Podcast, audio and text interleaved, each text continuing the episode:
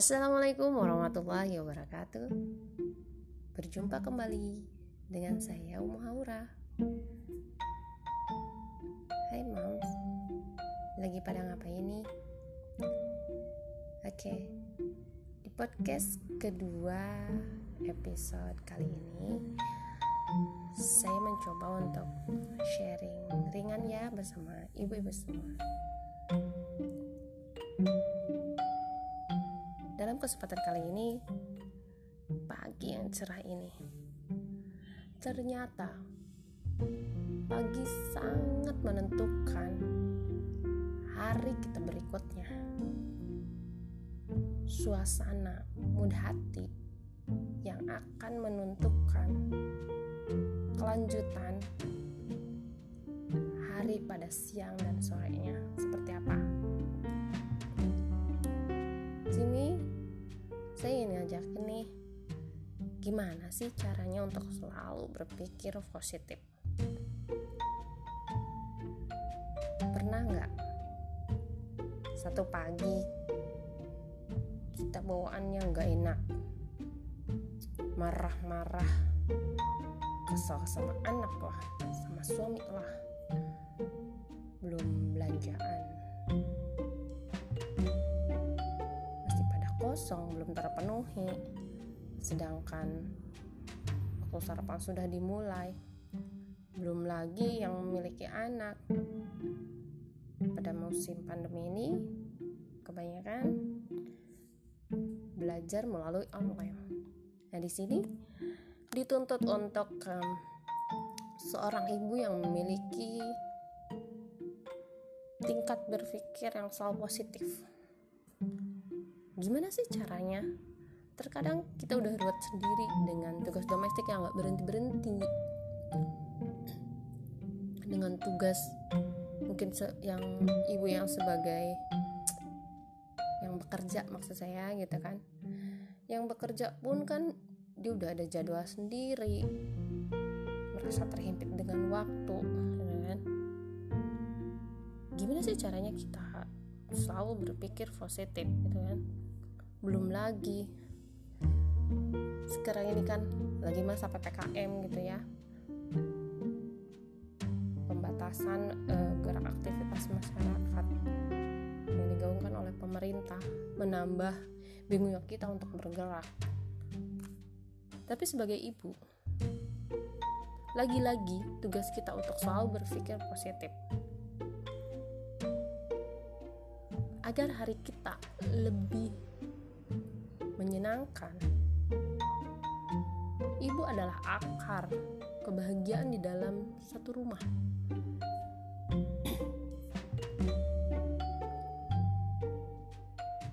Ibu adalah penentu bagaimana satu hari, satu hari itu dapat dilalui dengan baik. Ketika ibu berpikir positif bahwa semuanya dapat dilalui dengan baik, entah itu sedang ada ujian, ada anggota keluarga yang sakit atau mungkin sedang kesulitan ekonomi.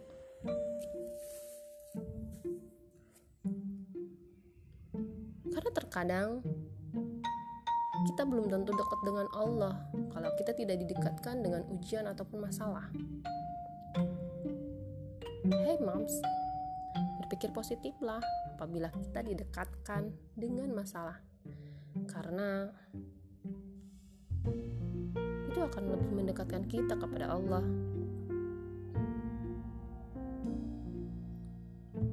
Mungkin hal tersebut kalau kita tidak mengalaminya, kita ngerasa sulit ya untuk menerima hal seperti itu. Tapi Allah memberikan janjinya dalam ayat suci Al-Quran yang ayatnya berbunyi seperti ini A'udzu billahi minasyaitonir rajim. Bismillahirrahmanirrahim. Rabbana innaka jami'un nasi liyaumin la raiba fih. Innallaha la yukhliful mi'ad. Ya Tuhan kami, sesungguhnya Engkau mengumpulkan manusia untuk menerima pembalasan pada hari yang tak ada keraguan padanya. Sesungguhnya Allah tidak menyalahi janji. Al-Imran ayat 9 yakin gak guys? Yakin gak mams? Kalau misalkan kita yakin bahwa Allah tidak pernah menyalahi janjinya. Gak pernah deh kayaknya ada ibu-ibu yang gak semangat di pagi hari. Kalau memang kita yakin dengan janji Allah seperti yang tertuang dalam surat Al-Imran ayat 9 tersebut pasti gak ada ibu-ibu yang marah-marah ibu-ibu pasti akan selalu semangat menjalani hari menyebarkan eh, energi-energi uh, positif kepada seluruh anggota keluarga.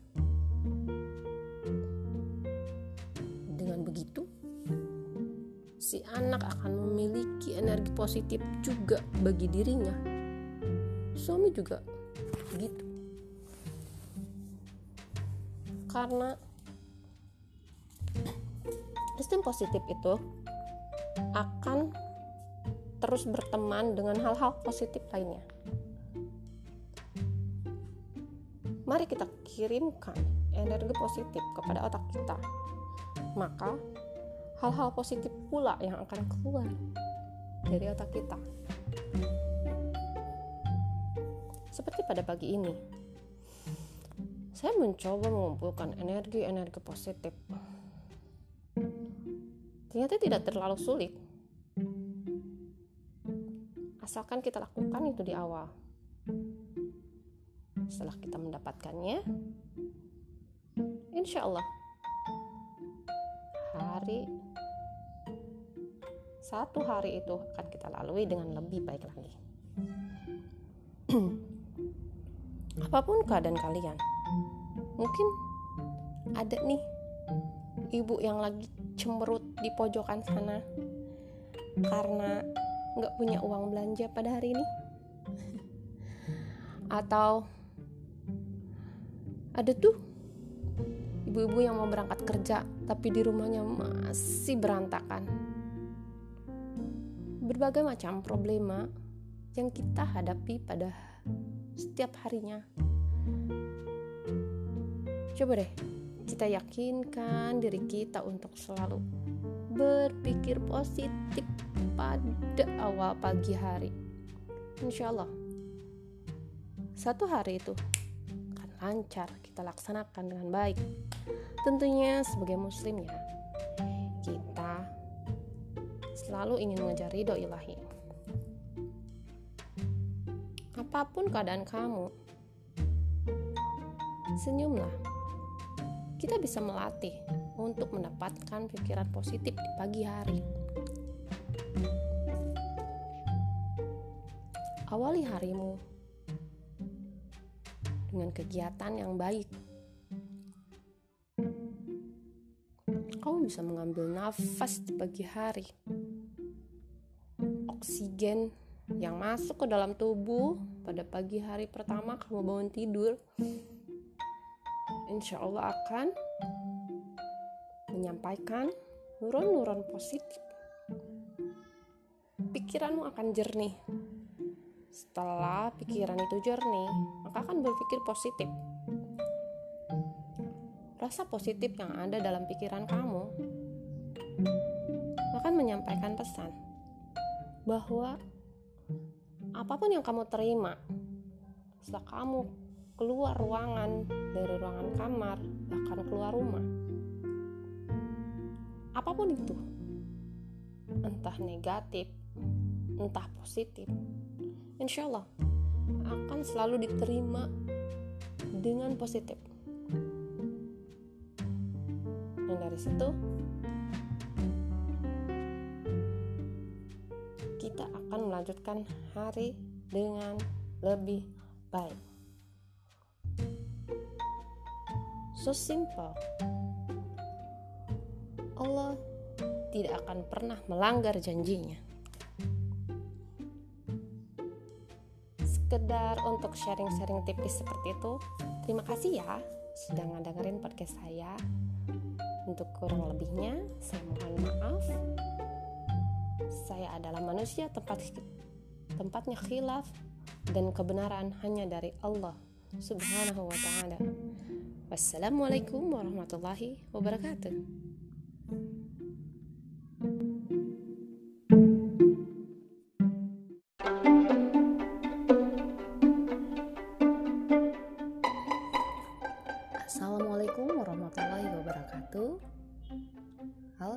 Semuanya. Selamat berjumpa lagi di sore yang cerah ini bersama saya Umi Haura.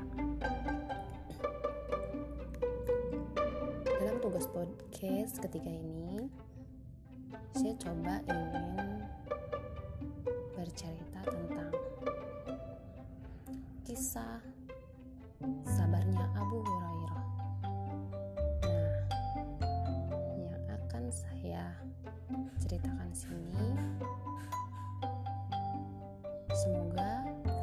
menjadi booster dakwah bagi kita semua. Nah, kalau boleh saya tanya, apa kabar nih dakwahmu hari ini?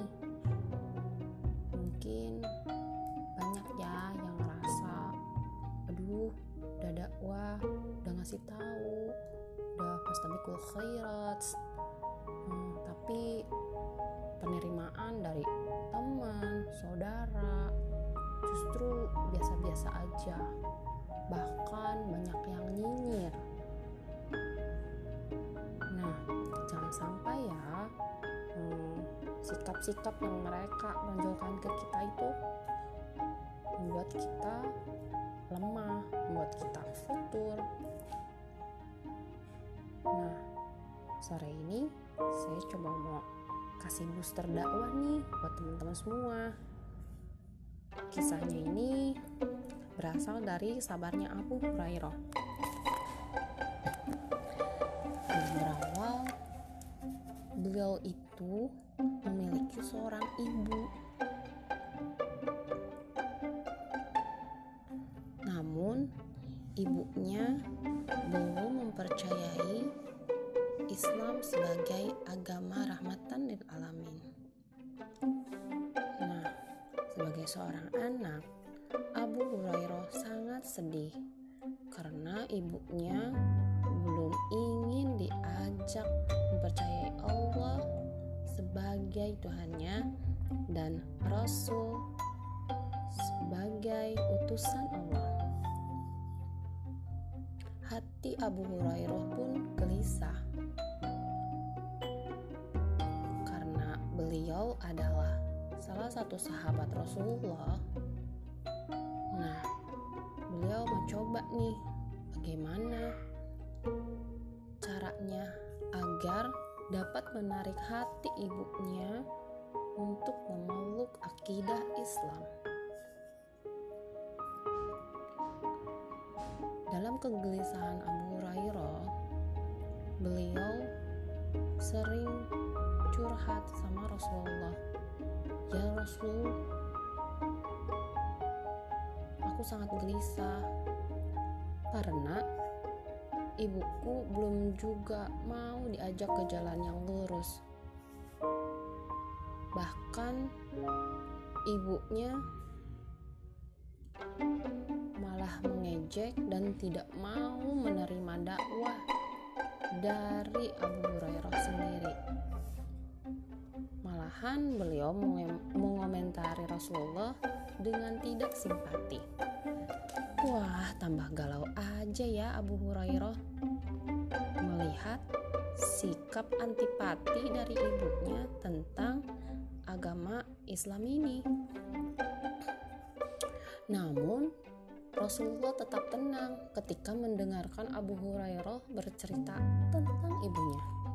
Nah, di sini Rasulullah sangat perhatian mendengarkan curhatan sahabatnya Abu Hurairah tersebut.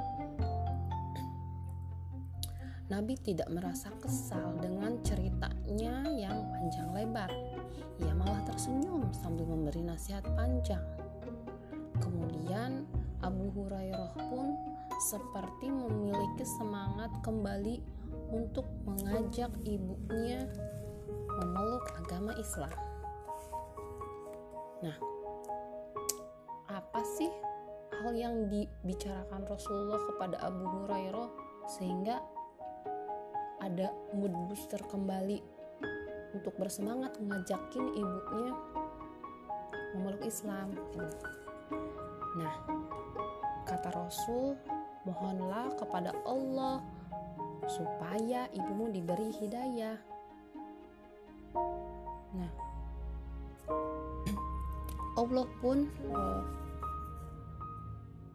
tidak lama lagi menjawab doa dari Abu Hurairah.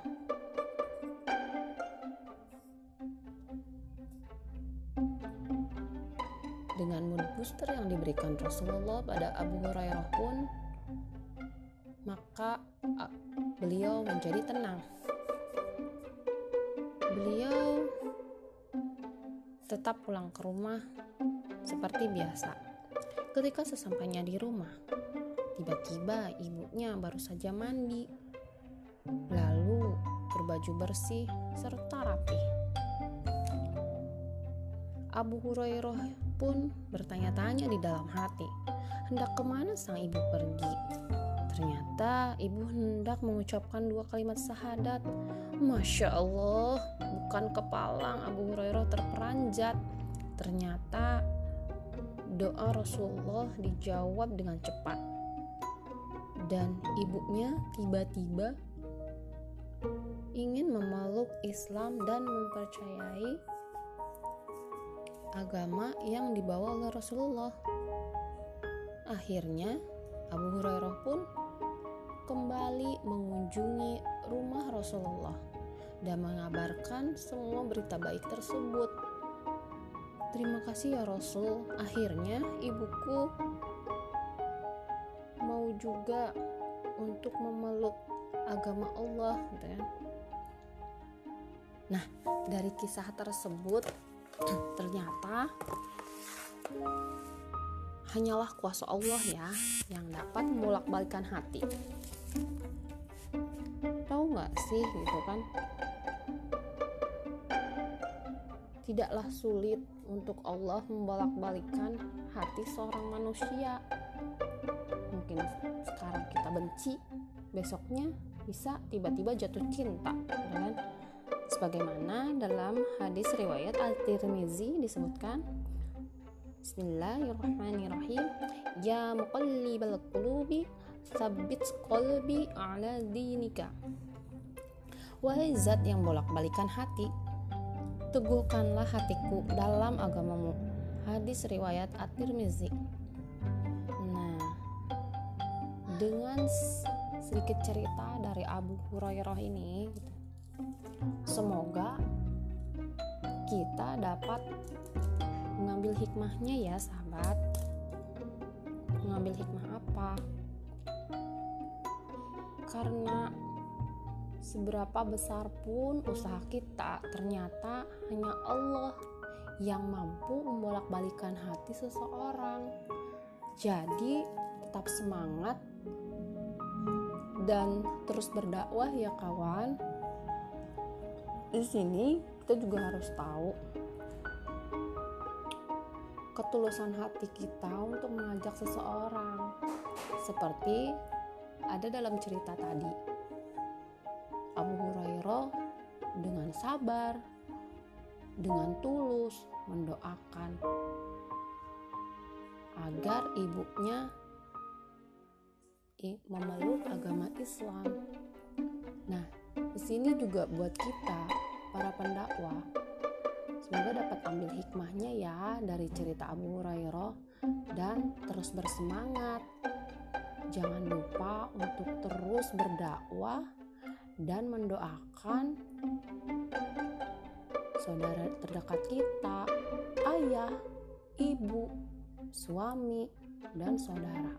Walaupun mungkin pada awalnya mereka tidak menerima dakwah kita, tapi ingat, hanya Allah yang memiliki hati seseorang. Maka berdoalah dengan tulus di sepertiga malam. Sebutlah nama mereka agar hati mereka pun terbuka. Insya Allah, dengan kesabaran dan ketulusan kita, maka semua itu akan mudah dilakukan. Oke sahabat, terima kasih ya udah ngedengerin podcast tugas ketiga aku. Hmm, semoga banyak hikmah lain yang dapat diambil selain yang telah saya sebutkan tadi.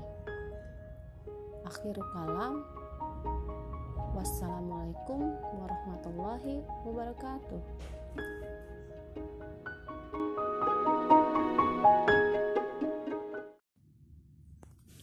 Assalamualaikum warahmatullahi wabarakatuh Bertemu kembali bersama saya Umu Haura dalam bincang kita pagi ini, saya ingin ngasih semangat nih buat para penuntut ilmu yang ada di luar sana. Tapi sebelumnya, mari kita uh, buka dulu acara kita dengan bacaan Bismillahirrahmanirrahim. الحمد لله رب العالمين والصلاة والسلام على أشرف الأنبياء والمرسلين نبينا وحبيبنا ومحمد وعلى آله وصحبه أجمعين. ومن تبعهم بإحسان إلى يوم الدين أما بعد. Baik sahabat semuanya, terima kasih sudah setia berada bersama saya pagi ini. Bagaimana nih kabarnya para penuntut ilmu? Hmm. Nuntut ilmu itu sebetulnya kita nggak harus terpatok oleh usia ya mungkin menuntut ilmu kebanyakan seperti yang diwajibkan untuk anak-anak yang masih sekolah ya ataupun kuliah. Tapi ternyata jangan pernah patah semangat bagi kita yang sudah menjadi ibu rumah tangga untuk selalu menuntut ilmu. Kenapa? Selain menuntut ilmu itu adalah kewajiban bagi setiap muslim tapi ternyata ada yang bi bisa uh, menambah mood kita apa sih gitu kan nah saya pengen uh, berbagi sharing aja nih bahwa ternyata selain kita mendapatkan pahala ketika kita menuntut ilmu mengembangkan diri mencari kelas-kelas ya minimalnya um, kita tidak berada pada satu kondisi yang memiliki ilmu seperti itu itu saja gitu kan. Kenapa sih kita nggak terus bersemangat seperti kita kalau hidup di dunia sih? Pasti nggak berhenti berhenti ya orang tuh punya mimpi gitu kan. Nah punya mimpi biasanya kalau manusia itu kan ingin mencapai yang lebih yang lebih yang lebih nah kenapa kita nggak uh, nempelin uh, logika kita tersebut kepada untuk uh, menuntut ilmu. Nah, di sini saya pengen ngasih booster buat uh, sahabat semua. Walaupun kita udah uh, bermiliki usia ya, kita bukan bukan anak sekolah lagi gitu kan, tapi menurut saya memang mencari ilmu itu asik gitu kan. Kenapa nih? Nah, saya baru membaca um, ada sebuah hadis di sana Rasulullah bersabda Rasulullah SAW bersabda Barang siapa meniti jalan untuk mencari ilmu niscaya dengan hal itu Allah jalankan dia di atas jalan di antara jalan-jalan surga dan sesungguhnya para malaikat membentangkan sayap-sayap mereka karena ridho terhadap tolabul ilmi atau para pencari ilmu agama. Dan sesungguhnya seorang alim itu dimintakan ampun oleh Allah, e, dimintakan ampun oleh siapa saja yang ada di langit dan di bumi, dan oleh ikan-ikan di dalam air.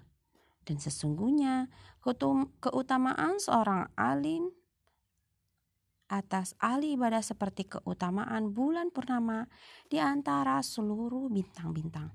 Dan sesungguhnya para ulama itu pewaris para nabi.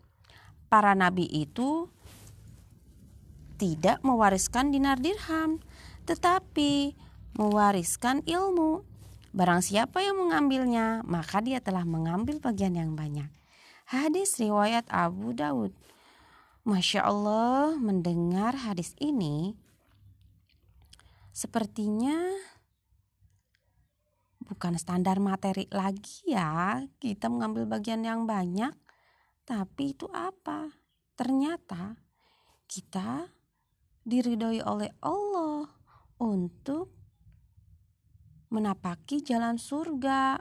Selain itu juga kita juga dapat pahala.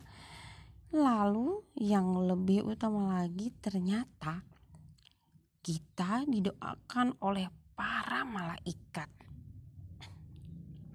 Mereka saling mengelilingi dan membentangkan sayapnya untuk menaungi satu sama lain. Nah, apakah nggak nambah semangat kita tuh untuk selalu menuntut ilmu? Kalaupun misalkan kita selalu kembang kepis, gak apa-apa sih kalau misalkan kita sedikit-sedikit gitu kan. Namun betapa mulianya ketika kita selalu semangat dalam mencari ilmu.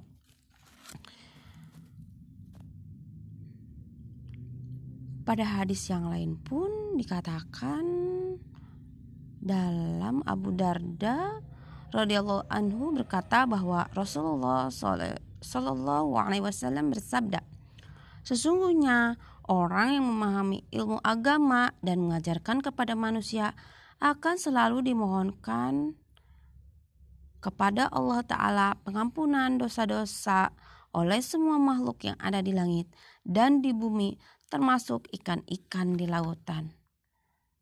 Hmm, sudah banyak sekali ya mood booster pagi ini untuk para pencari penuntut ilmu. So, tunggu apa lagi nih sahabat?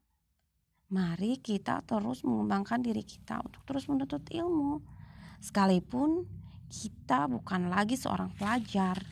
Karena dengan hadis tersebut seharusnya kita dapat mengambil hikmah bahwa penuntut ilmu sebetulnya e, menang banyak gitu kan menang banyak kenapa selain ilmu yang kita dapatkan karena ilmu itu merupakan warisan yang tidak akan pernah habis nah dari hadis tersebut kita harusnya lebih semangat lagi ya sahabat untuk menuntut ilmu Oke, mungkin sekian dulu ya dari cerita dan sedikit sharing tipis mengenai mood booster untuk para penuntut ilmu. Mari kita mengambil manfaat dari podcast saya kali ini dan semoga sharing pada podcast berikutnya akan lebih menyenangkan lagi. Sampai jumpa. Assalamualaikum warahmatullahi wabarakatuh.